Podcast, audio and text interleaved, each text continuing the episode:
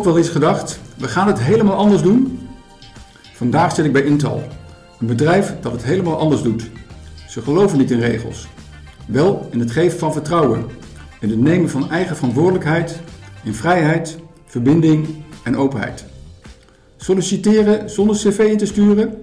Het kan. Betrokken worden bij het nemen van beslissingen? Dat is vanzelfsprekend. Flexibele werktijden voor een beter werk-privébalans? Geen probleem. Reden genoeg dus om naar op meer te rijden en met Monique Pluimers en Rudy Schipper te praten. Monique, Rudy, welkom eh, bij de podcast Happy People by the Business. Zouden jullie jezelf even willen voorstellen? Monique. Zeker, ja. Ehm, leuk dat je hier, uh, hier bent vandaag. Mijn naam is Monique Pluimers. Ik ben uh, arbeid- en organisatiepsycholoog. Um, mijn loopbaan begonnen met een studie psychologie en daarna twaalf jaar als consultant eigenlijk bij verschillende organisaties een, ja, een soort kijkje in de keuken gehad. Um, op een gegeven moment wel de behoefte gevoeld om me voor een wat langere periode aan één organisatie te, te committeren. En nou ja, in alle eerlijkheid ook wel wat kritisch geworden naar al die organisaties die ik had gezien. Van ja, bij wat voor bedrijf zou ik dan zelf het liefst willen werken? Per toeval eigenlijk uh, Intal uh, op het spoor gekomen. En daar ben ik nu uh, sinds 2,5 jaar met veel plezier werkzaam. Oké, okay. en wat doe je hier bij Intal? Ik ben als business partner verbonden aan Team People and Culture. Dankjewel. Rudy. Nee, ik ben Rudy Schipper, algemeen directeur en eigenaar van Intal, eigenlijk de Intal Groep. Uh, dat is eigenlijk een groep van bedrijven uh, waarin wij uh, de hoofdmoot, waar de hoofdmoot is het leveren, produceren van aluminiumramen, deuren, kozijnen en, en gevels. en doordat we wat verticale integratie hebben gedaan, hebben we een bedrijf in Medeblik dat heet Thermal Breaks. Daar maken we de profielen voor onszelf, dus aluminiumraamprofielen en deurprofielen. Uh, en ook voor derden. Dus daar isoleren we ook uh, materiaal voor andere partijen. En dan hebben we nog een uh, bedrijf sinds vorig jaar erbij in Heergewaard. Dat is Eidema Coating en Eidema Poedercoating. En daar brengen we eigenlijk onze eigen producten op kleur en ook die van, van derde partijen. Okay. En waar hou jij je vooral mee bezig?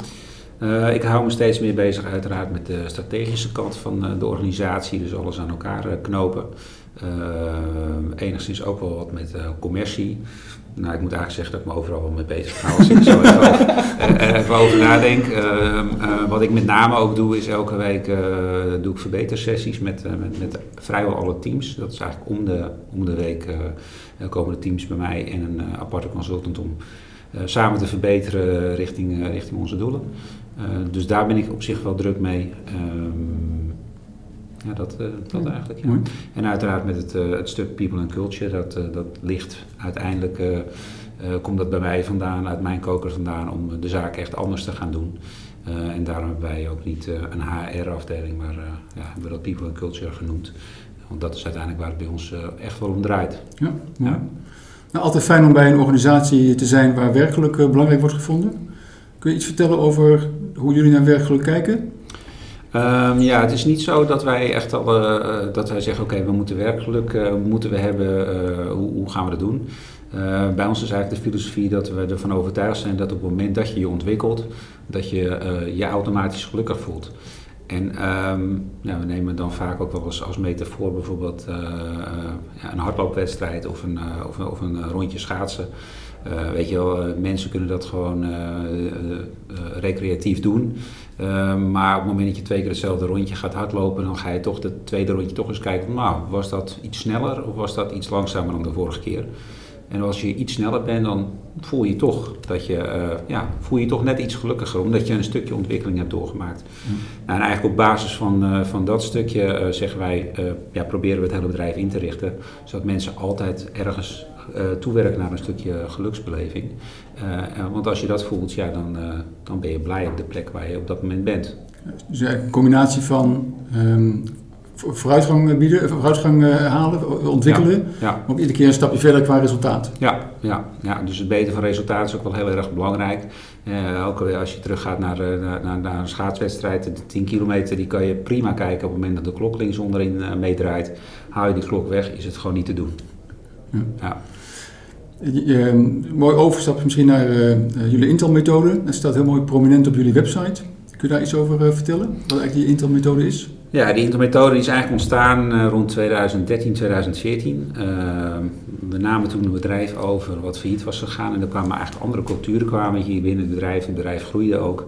En ik had bij mezelf zoiets van, ja, weet je, hoe ga je dat nou doen? Want uh, ja, van een kleine organisatie naar een stuk grotere organisatie gaan, dat, dat betekent toch dat er echt wel heel veel dingen gaan veranderen. en ik had zoiets van, ja, ik kan niet iedereen ehm, zeg maar elke dag aansturen, wat daarvoor nog wel kon. Um, ja, en dan, dan op dat moment ga je dan denken van ja, wat is nou logisch om te doen? En uh, voor mezelf was het, het starten als ondernemer was echt een belangrijk keerpunt in, in mijn leven. Ik merkte dat ik, uh, doordat ik de vrijheid had om alles zelf te gaan bepalen, dat mijn persoonlijke ontwikkeling een enorme snelheid uh, begon te krijgen. dat gaf me een supergoed gevoel en dat wilde ik eigenlijk ook meegeven aan iedereen die bij mij ja, in het bedrijf kwam werken. Dus vandaar dat is eigenlijk de Intel-methode begonnen. Uh, waarbij je dus eigenlijk geen regels hebt. Uh, en waarom geen regels? Omdat op het moment dat je ondernemer bent of je, je gaat een onderneming starten, ja, dan geloof je ergens in en dan ga je dat op jouw manier doen zonder dat iemand jou vertelt hoe je dat moet doen, als het goed is. Um, dus ja, vandaar uh, is, is dat eigenlijk gestart. Um, en daar hebben, zijn we wel echt voor gaan zitten. We zijn echt wel uh, langere tijd bezig geweest om dat dan, dan te gaan omschrijven. Want je wil natuurlijk wel iets gaan omschrijven, maar dan niet in de vorm van regels. Dus je wil een soort van uh, ja, een handboek of een hulpboek wil je eigenlijk gaan schrijven uh, op basis van een aantal pijlers. En uh, dat hebben we toen gedaan.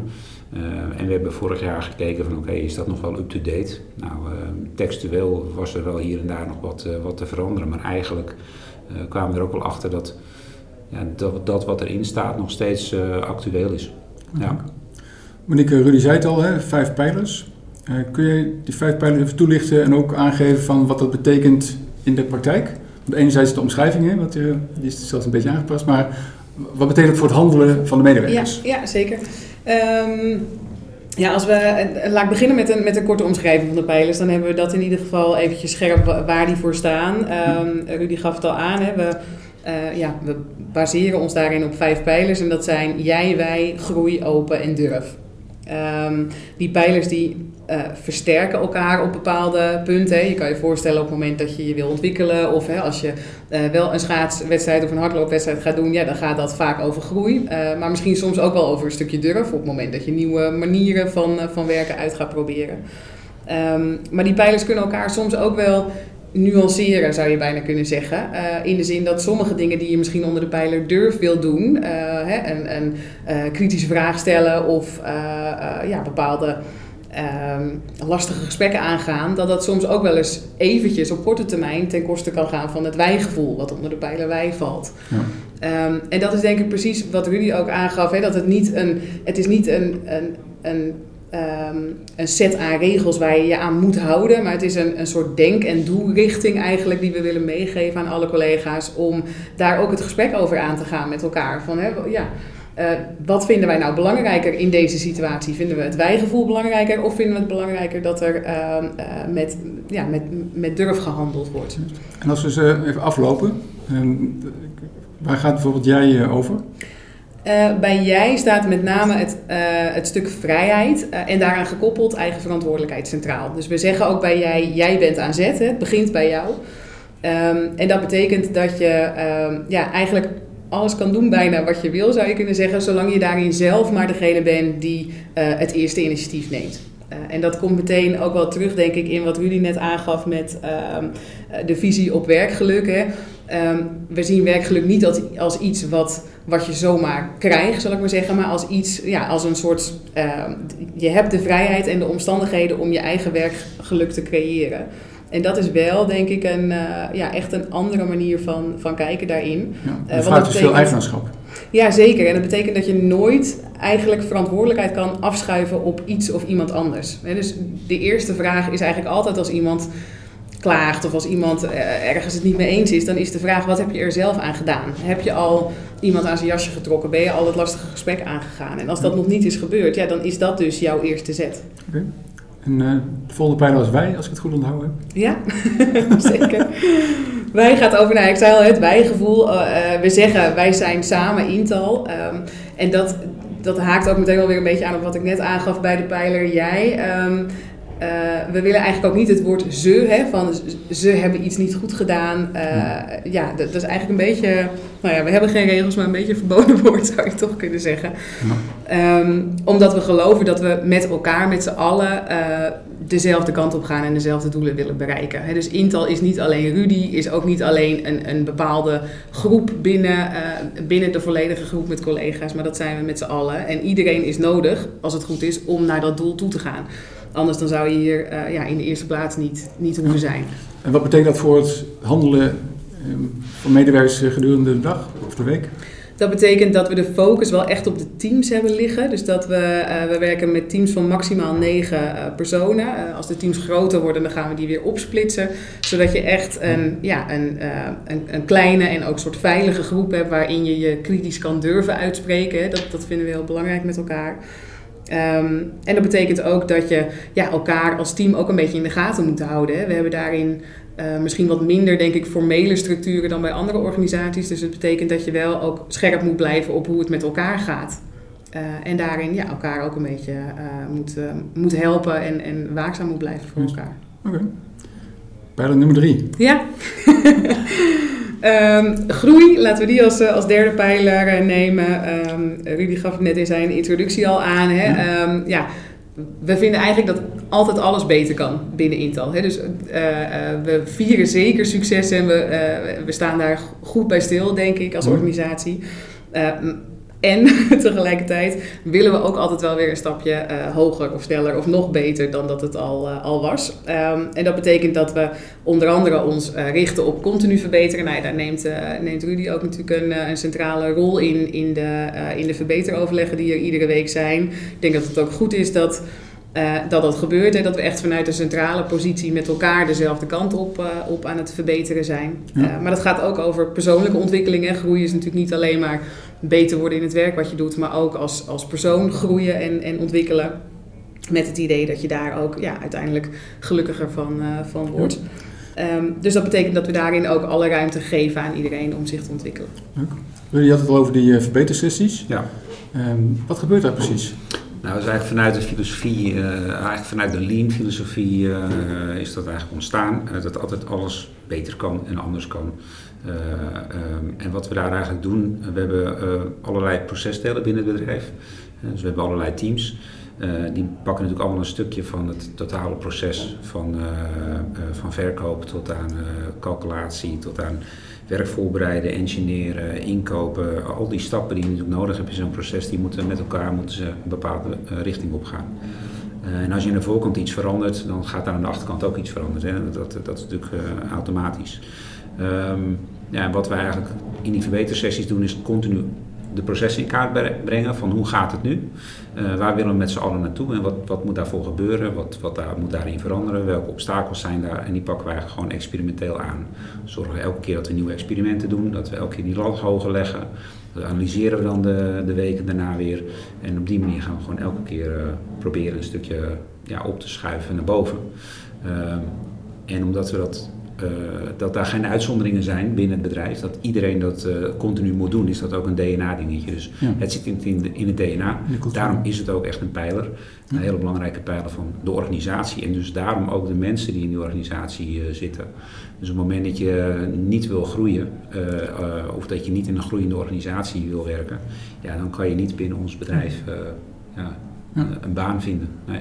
We zeggen ook altijd Intel ontwikkelt als, als Intelisten zich ontwikkelen. Dus die ja, twee juist. dingen zijn wel on, onlosmakelijk aan elkaar verbonden. Ik vind het heel mooi dat je op deze manier met die verbetersessies het ook structureel maakt. Ja. Dat je kunt één keer zeggen en met elkaar af en toe over hebben. Maar dit is echt structureel, ja. bijna wekelijks, dat je daar met elkaar over hebt. Ja, dat is structureel en dat is ook de enige manier om dat vol te houden. En met name als je daarmee start is dat heel erg lastig. Maar op het moment dat je daar patronen in, uh, in krijgt, dan zie je ook dat mensen daar gewoon behoefte aan hebben. Uh, uh, ja, dan wordt het echt DNA. En ja. dat, uh, dat was een van de doelen en uh, dat zit er heel erg in. Ja, ja. ja ik vind het wel mooi, want dan, je, je pakt het DNA, maakt echt jullie tot de. ja. ja. ja. En ik denk dat dat structurele ook, uh, uh, als je het hebt over de pijlen groeien, zit dat denk ik ook in de opvolging van persoonlijke ontwikkeling. Hè. We zijn. Um, ik denk twee jaar geleden, uh, afgestapt van de traditionele jaarcyclus, als je het zo kan noemen, met een soort begin, voortgangs- en, en eindgesprek. De beoordelingsgesprekken deden we altijd eigenlijk al op 360-stijl. dus niet één op één met een coördinator van het team, maar echt met het team zelf. Um, en ook daarin is eigenlijk een soort verbeterstap gemaakt. Dat we met elkaar hebben gezegd: joh, ja, als we nou als team zijnde bepalen um, hoe iemand het heeft gedaan in het jaar, dan is het eigenlijk gek dat die eerste gesprekken steeds één op één met een coördinator zijn. Waarom gaan we dat ook niet uh, als teamsessies eigenlijk inzetten? Dus we ja. hebben um, toen ervoor gekozen om de eigenlijk de, de, de jaarcyclus zeg maar, uh, opzij te zetten en om daar maandelijkse teamontwikkelsessies voor in de plaats te laten komen. Maandelijks? Waarin, ja, waarin de teams een dagdeel per maand met elkaar aan de slag gaan op het gebied van persoonlijke ontwikkeling. Ja. En dat kan dan gaan van, uh, nou ja, hè, uh, uh, mensen hebben bepaalde persoonlijke ontwikkeldoelen ehm, en de andere teamleden bedenken experimenten, want dat zit ook heel erg in het, in het doen en in het in kleine stapjes vooruit gaan. Om diegene dat, uh, ja, dat doel te laten behalen, zou ik maar zeggen. Dus iemand wil assertiever worden, ik noem maar wat. En acht uh, collega's bedenken soms iets te, iets te uh, wilde experimenten, maar wel, ja, wel experimenten die misschien net wat verder gaan en net wat meer uit je comfortzone zijn dan als je het zelf had bedacht. Ja. Um, en de collega in kwestie kan uit die acht experimenten dan iets kiezen waarvan hij zegt, nou, dat, dat vind ik spannend genoeg, maar, maar hè, ook leuk genoeg om, uh, om te gaan doen de komende maand. En door die maandelijkse opvolging heb je daar ook een soort ritme in, uh, in ja. gevonden. Dus het zit deels op de. En weer, weer structureel gemaakt. Ja, precies. Ja. dus die, die uh, groei zit in procesoptimalisatie, in een soort wekelijks ritme en in ontwikkel, persoonlijke ontwikkeling in een maandelijks ritme. Ja. Okay. Pijler nummer vier. Ja, open. Um, we zeggen met elkaar, hè, we vinden transparantie uh, belangrijk. Uh, niet zozeer als, als doel op zich, maar wel als middel om um, ja, met elkaar gewoon open het gesprek aan te kunnen gaan. Om ondernemerschap te kunnen uh, tonen. Nou, daar kan jullie zo direct ook nog wel wat meer over vertellen, denk ik. Um, maar ja, om kritische vragen te kunnen stellen en om het gesprek aan te kunnen gaan, moet je wel over de juiste informatie kunnen beschikken. Als je die niet hebt, dan, ja, dan, dan ben je daarin ook niet een gelijke gesprekspartner. Um, dus daarin zeggen we, we vinden het belangrijk dat alle financiële informatie in ieder geval open is. Um, dus dat betekent dat we uh, in ieder geval eens per kwartaal een Intel-update hebben, waarin alle cijfers van het, uh, van het bedrijf uh, open worden gepresenteerd, waarin wordt aangegeven hoe de stand van zaken is.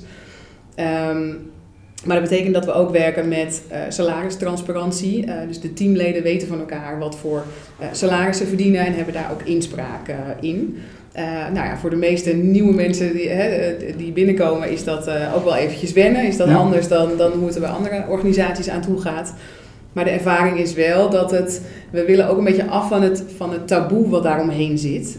Um, en dat, dat doet dit wel. Hè. Dus het betekent dat je gewoon op een normale, ja, uh, volwassen manier eigenlijk over, over toegevoegde waarde van mensen kan praten. Wat dan to, ja, toevallig is weergegeven in een getal. Ja. maar het gaat uiteindelijk erom wat voor waarde voeg je toe.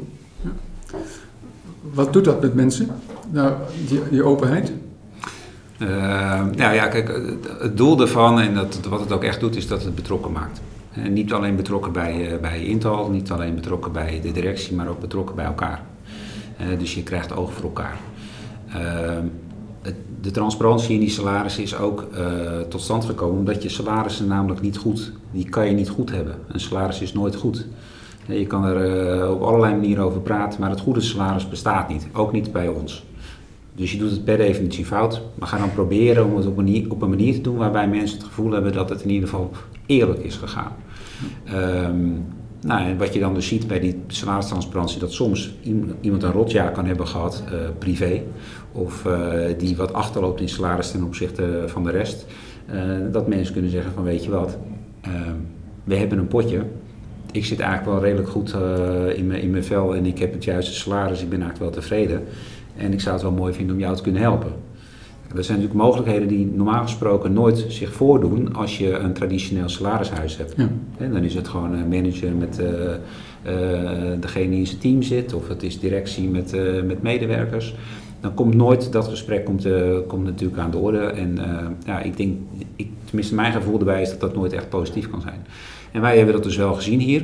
Uh, aan de andere kant leer je daarmee ook mensen dat je een bedrijf moet runnen. En dus dat is ook wat we hier proberen met de intermethode, dat mensen snappen van hoe werkt nou een bedrijf. Intel is een logo, de mensen eronder, dat is wat het bedrijf is. Ehm, we hebben dus ook situaties gehad dat mensen iemand gingen belonen die eigenlijk niet heel goed had gepresteerd. Maar omdat hij het juiste verhaal tijdens zo'n beloningssessie had uh, verteld aan tafel en iedereen toch een beetje emotioneel ervan raakte, uh, diegene dus toch een, een, verhoging hebben gegeven en de dag erna toch het gevoel krijgt van hey fuck, nou hebben we dit gedaan, um, maar hier zijn we helemaal niet blij mee. Hè, want uh, hij heeft niet goed gepresteerd en hij heeft de grootste verhoging gehad. Ja. We hebben daar een gesprek over gezegd, nou en zo werkt dus een bedrijf. Je neemt nu een beslissing dit heeft ook gevolgen voor het bedrijf. Want als we dit dus bij iedereen zo zouden doen, hoe lang zou dat bedrijf dan nog bestaan? Ja. Daarmee krijg je dus ook een heel groot bewustzijn van mensen bij, ja, eh, ik ben onderdeel daarvan en ik ben bepalend in het succes van het bedrijf. En daarom kan succes ook hier, denk ik, goed voelen, omdat mensen voelen dat zij daar zeker invloed op hebben gehad. Dus dat geeft heel veel uh, mooie aspecten. Ja. Uh, spannend was het zeker, ja. zeker in het begin. Hè. Dus, ja, uh, ja, mensen moeten ook leren, uh, moeten, het is ja. allemaal nieuw. Het is allemaal nieuw natuurlijk. En, we, hebben, we hebben wel iedereen gevraagd van oké, okay, kan je ermee instemmen dat je salaris openbaar wordt? Uh, ongeacht uh, het feit dat dat sowieso ging gebeuren. Uh, maar dan konden mensen dat in ieder geval aangeven. En we zijn eigenlijk gewoon gestart met, nou eerst mijn salaris hè, als directeur. Die hebben eerst maar eens een tijdje op het bord gezet dat iedereen daar in ieder geval aan kon wennen van oké, dus zoveel verdient hij. Jongens, zijn er nog vragen? Zijn er mensen die, die niet mee eens zijn? Nou, die, die waren er niet. En op een gegeven moment kwam die transparantie. En ehm, de eerste gesprekken waren ook echt heel erg mooi. Dat degene die het meeste verhoging kreeg op een gegeven moment zei: Ja, maar ik vind dit te veel en ik vind dat jij te weinig hebt en jij te weinig en jij te weinig. Dus je heeft een stukje verdeeld binnen het team, uh, onder, onder de teamleden. Nou, en dan krijg je dus echt een verbonden team wat voor elkaar door het vuur gaat. Ja. En uh, ja, dat, dat zijn eigenlijk bijkomstigheden die we vooraf niet, niet helemaal voorzien hadden. Uh, maar dat is wel wat het doet. En ja, dat zijn mooie successen. Ja. ja. En ik denk ook dat, zo interpreteer ik het ook, dat wat jij in het begin zei, dat de pijlers elkaar raken of overlappen. Mm -hmm. Open raakt dus ook weer wij, raakt dus Zeker. jij. Want ik heb een gevoel ja. voor mijn salaris, maar het is ook weer wij, maar ook wij als organisatie. Hè, dus het heeft met elkaar te maken. Ja, ja, absoluut. Ja. Ja. Wat ik ook het, het, mooie wel vind, hè, ik heb de eerste uh, gesprekken rondom, rondom beloning natuurlijk niet meegemaakt, omdat ik toen nog niet werkzaam was bij, uh, bij Intel. Als ik kijk naar de, uh, de, de wijzigingen, hè, we, we updaten ook dit soort jaarcycli, zeg maar, uh, ook iedere keer. Dus we um, vinden het belangrijk om meteen daarna een, een meting eigenlijk te doen.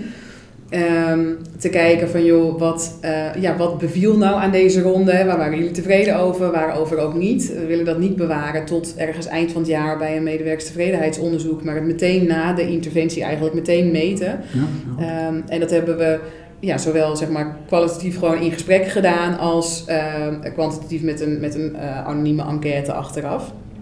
En wat je daarin ziet is dat um, de teamleden ook hebben aangegeven dat ze het als heel erg prettig ervaren. Dat ze het gevoel hebben van, hè, van invloed erop uh, uit te kunnen, te kunnen oefenen. En ook dat we afgelopen jaar wat meer vrij hebben gelaten waar mensen op belonen. Dus het, um, het voorbeeld van, van Rudy, dat haakt daar ook wel op aan. Um, bij de meeste organisaties is natuurlijk, staat het staat vast waar je op zou moeten belonen. Namelijk ja. op, op prestatie of op resultaat of op nou ja, iets in, in die uh, trant. Um, maar hier zijn de teams ook vrij om te zeggen: ja, we willen eigenlijk gewoon op inzet belonen of we willen op ontwikkeling belonen. Hè. We willen degene die zich het meest heeft ontwikkeld of die het meest is gegroeid afgelopen jaar, daar willen we met name dat, uh, dat budget voor inzetten. En dat is dan ook oké. Okay. En dat geeft uh, de teams, denk ik, dat gaven ze in ieder geval in de evaluaties aan, wel heel veel ruimte om, ja, om echt ook een beetje dat eigen ondernemerschap op teamniveau dan op te pakken. Ja, leuk. Dus dat, ja, dat vond ik wel heel, uh, heel mooi om terug te, te zien. Ja. En dan nummer vijf. Ja, de laatste, durf. um, haakt eigenlijk ook wel in op wat, wat, waar we het net al over hebben gehad. Hè. Uh, we zeggen we durven uh, groots te denken en te doen. Want uiteindelijk gaat het ook wel hier weer om, uh, om het gedrag. Ja. Um, en bij durf staan, um, ja, staan ook wel met name die experimenten centraal. Hè. Dus op wat voor manier kun je nou, als je een beetje vrij mag dromen... als je even los van wat er allemaal niet kan... Hè, door, door wat voor regels dan ook... als je kijkt wat er... Uh, wat er dan zou kunnen hè, als je een, uh, een onboardingsstroom, als je daar gewoon eens heel, helemaal vrij over brainstorm, hè, zonder, zonder regels of zonder de, de, de stramine waar je nu in zit, wat kan er dan allemaal en op wat voor manier kun je dan die beleving maximaliseren? Ehm, dat valt wel onder die pijlen durf. Dus eerst daar met elkaar een soort van groot over uh, brainstormen. En vervolgens kijken of je dat met kleine experimenten in de praktijk ook kan, uh, kan laten zien. Oké, en hoe gaat dat in de praktijk? Is er ook iets wat af en toe aan de orde komt? Of nou, ik denk wel, als ik kijk uh, even op, op, op uh, het stuk van, van People and Culture, dan is dat wel met, uh, met die maandelijkse teamsessies waarin je mensen ja, stimuleert om met elkaar te kijken van hoe kunnen we dit nou, nou anders doen. maar dat zit denk ik ook in de verbetersessies die, die Rudy aandraagt. Hè. Daar zie je dat sommige experimenten misschien wat nou, wat, wat kleiner zijn. Um, uh, maar uh, Rudy geeft ook altijd aan, dan kan je zelf misschien nog beter dan, dan, ik. Probeer ook voorbij je eigen kennisgrenzen te, te gaan. Hè? En een experiment is eigenlijk geen experiment als je de uitslag al weet. Ja. Heb ik me nog, uh, kan ik me nog herinneren. Ja. En daar zit natuurlijk wel een kern van waarheid in. Als je gaat doen waar, waarvan je eigenlijk al weet wat eruit gaat komen, ja, dan is het niet heel spannend. Dus misschien moet je toch op zoek naar iets waar, waar je de uitslag nog niet van weet. Want daar zit dan echt wel het het rendement. Want daar zit de, de, de, ja, de, de winst in de meest brede zin van het, uh, van het woord. Hoe lastig is dat voor mensen om dan echt buiten die eh, gebaande paden te gaan? dat is een goede vraag. Want dit is, dit is de moeilijkste pijler. Oh ja? Ja, dit is, dit is, dit is bij far de moeilijkste pijler. Dus de, de andere pijlers die zijn ook. Uh, nou goed, die, die zijn ook niet makkelijk, hè, want je bent uh, uh, door geen regels op te leggen, uh, maak je het jezelf niet makkelijker, maar juist moeilijker. maar je hoopt daar uiteindelijk natuurlijk meer uit te halen.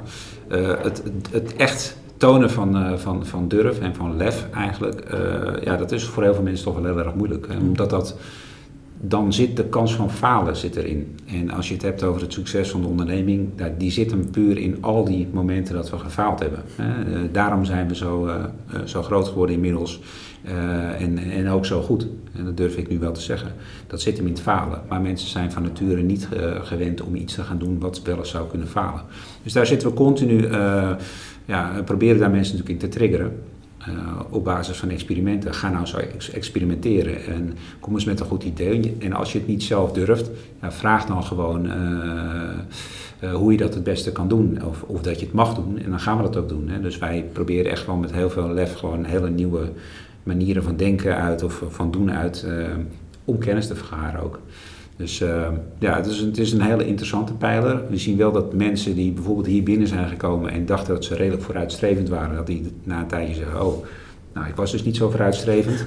uh, ik hou misschien wel helemaal niet zo van verandering. Oh, mooi. Uh, maar die na, na, een aantal jaren behoefte krijgen aan verandering. Dus op het moment dat er te weinig verandert, dat ze onrustig worden. Ja. Terwijl ze eerst zoiets hadden van ja, dat hoeft voor mij allemaal niet. Weet je wel. Als ik gewoon weet hoe het, hoe het zit, dan vind ik het eigenlijk ook wel prima.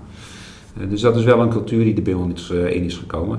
Het is overigens ook wel zo, dat, dat zijn allemaal vrij uitgesproken pijlers. Als je er niet in past, het is, het is geen cultuur waar iedereen in past. En daar zijn we ook wel achter gekomen. En uh, in het begin dachten we dat wel, van ja, je hebt geen regels, dus dat, dat in, in, feite moet iedereen daarin passen. Maar je moet jezelf staande kunnen houden. En daarom is die pijler jij ook echt wel belangrijk. Je moet wel uh, jezelf verantwoordelijk maken voor alles wat je ja, voor, voor de voeten krijgt. En ja, da, dat is wel het moeilijkste. En als met durf is dat ook uh, moeilijk. Want ja, je gaat iets proberen, het kan mislukken en dan word jij erop aangesproken. Hè? En ja. wij hebben er last van. Dus ja, dat, uh, ja, ja, dat is wel leuk. Bij die pijler durf speel jij natuurlijk ook een belangrijke rol. Um, als je zegt, we, we leren van onze fouten. Ja. Um, als jij dan niet iedere keer met bestraffende vingertje rondloopt, is het natuurlijk heel fijn dat mensen dat ook zo ervaren. Ja. Wat doe je daar bewust aan? Uh, nou ja, ik heb mijn goede periodes en ik heb mijn slechte periodes. uh, zo eerlijk uh, moet ik wel zijn. Ehm, ik werk daar natuurlijk wel aan om te kijken van hoe kan ik ervoor zorgen dat ik dat goed kan faciliteren. Want als ik, als ik nukkig ben, ik ben ook uitgesproken, ja, dan kan het wel eens remmend werken natuurlijk op, op de pijler durf. Uh, dus ik probeer daar wel op te letten. Ik probeer mensen daar wel in te motiveren. Ik probeer ook wel uh, met experimenten te komen waar misschien mensen zelf niet op zouden komen, omdat dat ja, dan te gevaarlijk of zo lijkt. Dus daarin te ondersteunen en ook wel uh, te complimenteren op het moment dat daar iets, iets lukt. En ja, vaak ja, gaat het met pieken en dalen natuurlijk, maar op het moment dat die piek steeds hoger is, dan is het wel mooi om mensen daar complimenten voor te geven. Ehm, en dat kan hier ook prima. We hebben, we hebben een volledig platte organisatie, alles loopt door elkaar heen. Uh, ik loop overal doorheen. Ik heb ook geen eigen kantoor, uh, bijvoorbeeld. Dus uh, ja, op die manier probeer ik het op een informele, laagdrempelige manier wel te faciliteren. Ja. Hm. ja. Nee hoor. Monique, Rudy zei het al, hè? Je, niet iedereen eh, past hier. Ik vind het zelf heel mooi, hè? Dan heb je een heel mooi, sterk merk eh, gebouwd. Uh, wat doen jullie aan de voorkant om ja, de, daar mensen op te selecteren op te wijzen? Hoe gaan jullie daarmee om?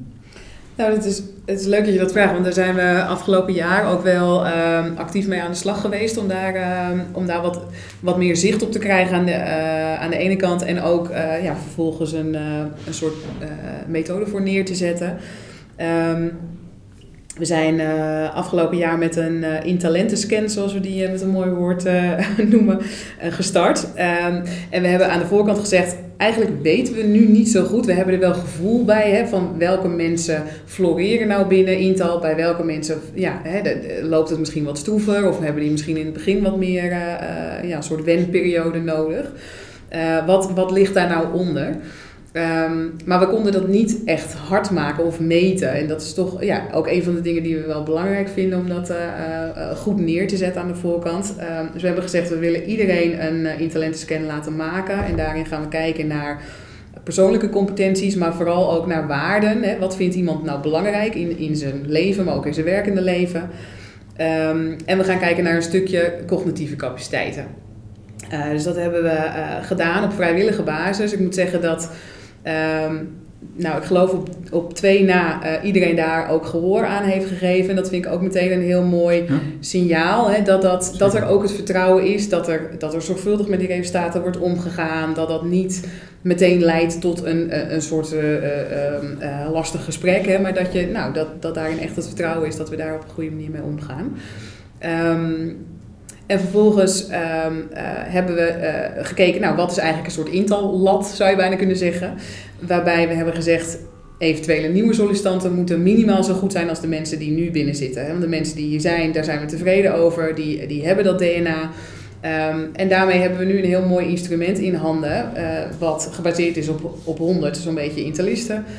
Um, en waarbij we bij sollicitanten ook goed kunnen checken van ja, wat uh, wat zijn nou jouw eigen waarden? Hè? En bij, kijk, bij, bij competenties kun je nog zeggen, van, nou daar mogen wel wat dingen aanvullend zijn. Hè? Dat hoeft niet allemaal op één lijn te zitten, maar op dat waardestuk merken we nu al dat het echt heel fijn is om daar wat meer uh, ja, soort van uh, handvatten in te hebben omdat mensen over het algemeen, is, is, mijn ervaring in ieder geval, ook niet zo goed aan de voorkant kunnen inschatten of dit een omgeving is waarin ze het leuk vinden. Hè? Dus vooraf zeggen mensen vaak, nee, het lijkt me heel fijn en hè, lekker vrijheid. En nee, ik neem heus wel zelf initiatief en ik vind dat leuk. En dat, dat menen ze ook. Dus ik wil, ik wil daarmee niet mensen tekort doen. Maar ik, ik denk oprecht dat mensen niet goed kunnen inschatten wat het betekent om hier aan de slag te gaan.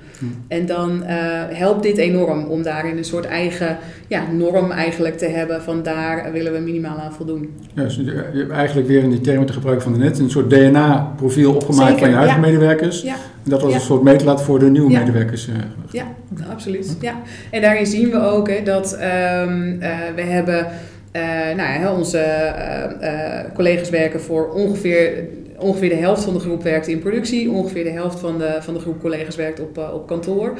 En daarin zie je dat er ook wel accentverschillen tussen die groepen zijn. En dat is, dat is ook prima. En dat ja. helpt ook om uh, juist aan de voorkant voor verschillende functies of rollen dat ook goed, ja. Uh, ja, goed concreet te maken. Hm.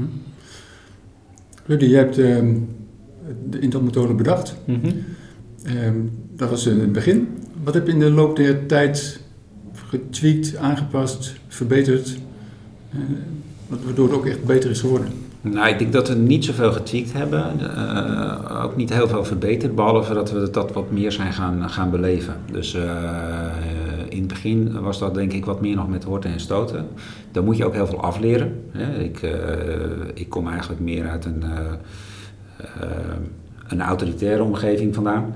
Uh, ja, dat is dit uh, natuurlijk absoluut niet. Hm. Dus uh, we begonnen met, oké, okay, Rudy neemt helemaal geen beslissingen meer. Dus de mensen moesten zelf hun beslissingen allemaal gaan nemen. En ik kon dat alleen maar vragen, dus ik moest echt op mijn lip bijten de hele tijd. daarna dan vervaagt dat weer een beetje, want dan, ja, dan nemen mensen massaal beslissingen, maar dat zijn niet altijd de goede. En dan gaat het bedrijf net even een kant op die je niet wil. Nou, dan, uh, dan word je misschien weer iets uh, richting het autoritairdere uh, getrokken. ja, en dan denk je daar weer een beetje aan en dan moet je daar weer op resetten natuurlijk. ik denk dat het nu veel gelijkmatiger is. Dus dat we het gewoon altijd op de manier doen zoals we dat toen bedacht hebben. Ik denk ook dat alle pijlers langzaam erin zijn gekomen per pijler. Dus het is ook niet zo geweest dat die vijf pijlers, nou die hebben we op papier gezet, dit is het nu en implementeren. We gaan met alle vijf pijlers in één keer goed van, van start. Ik denk dat elke pijler gewoon door de jaren heen gegroeid is.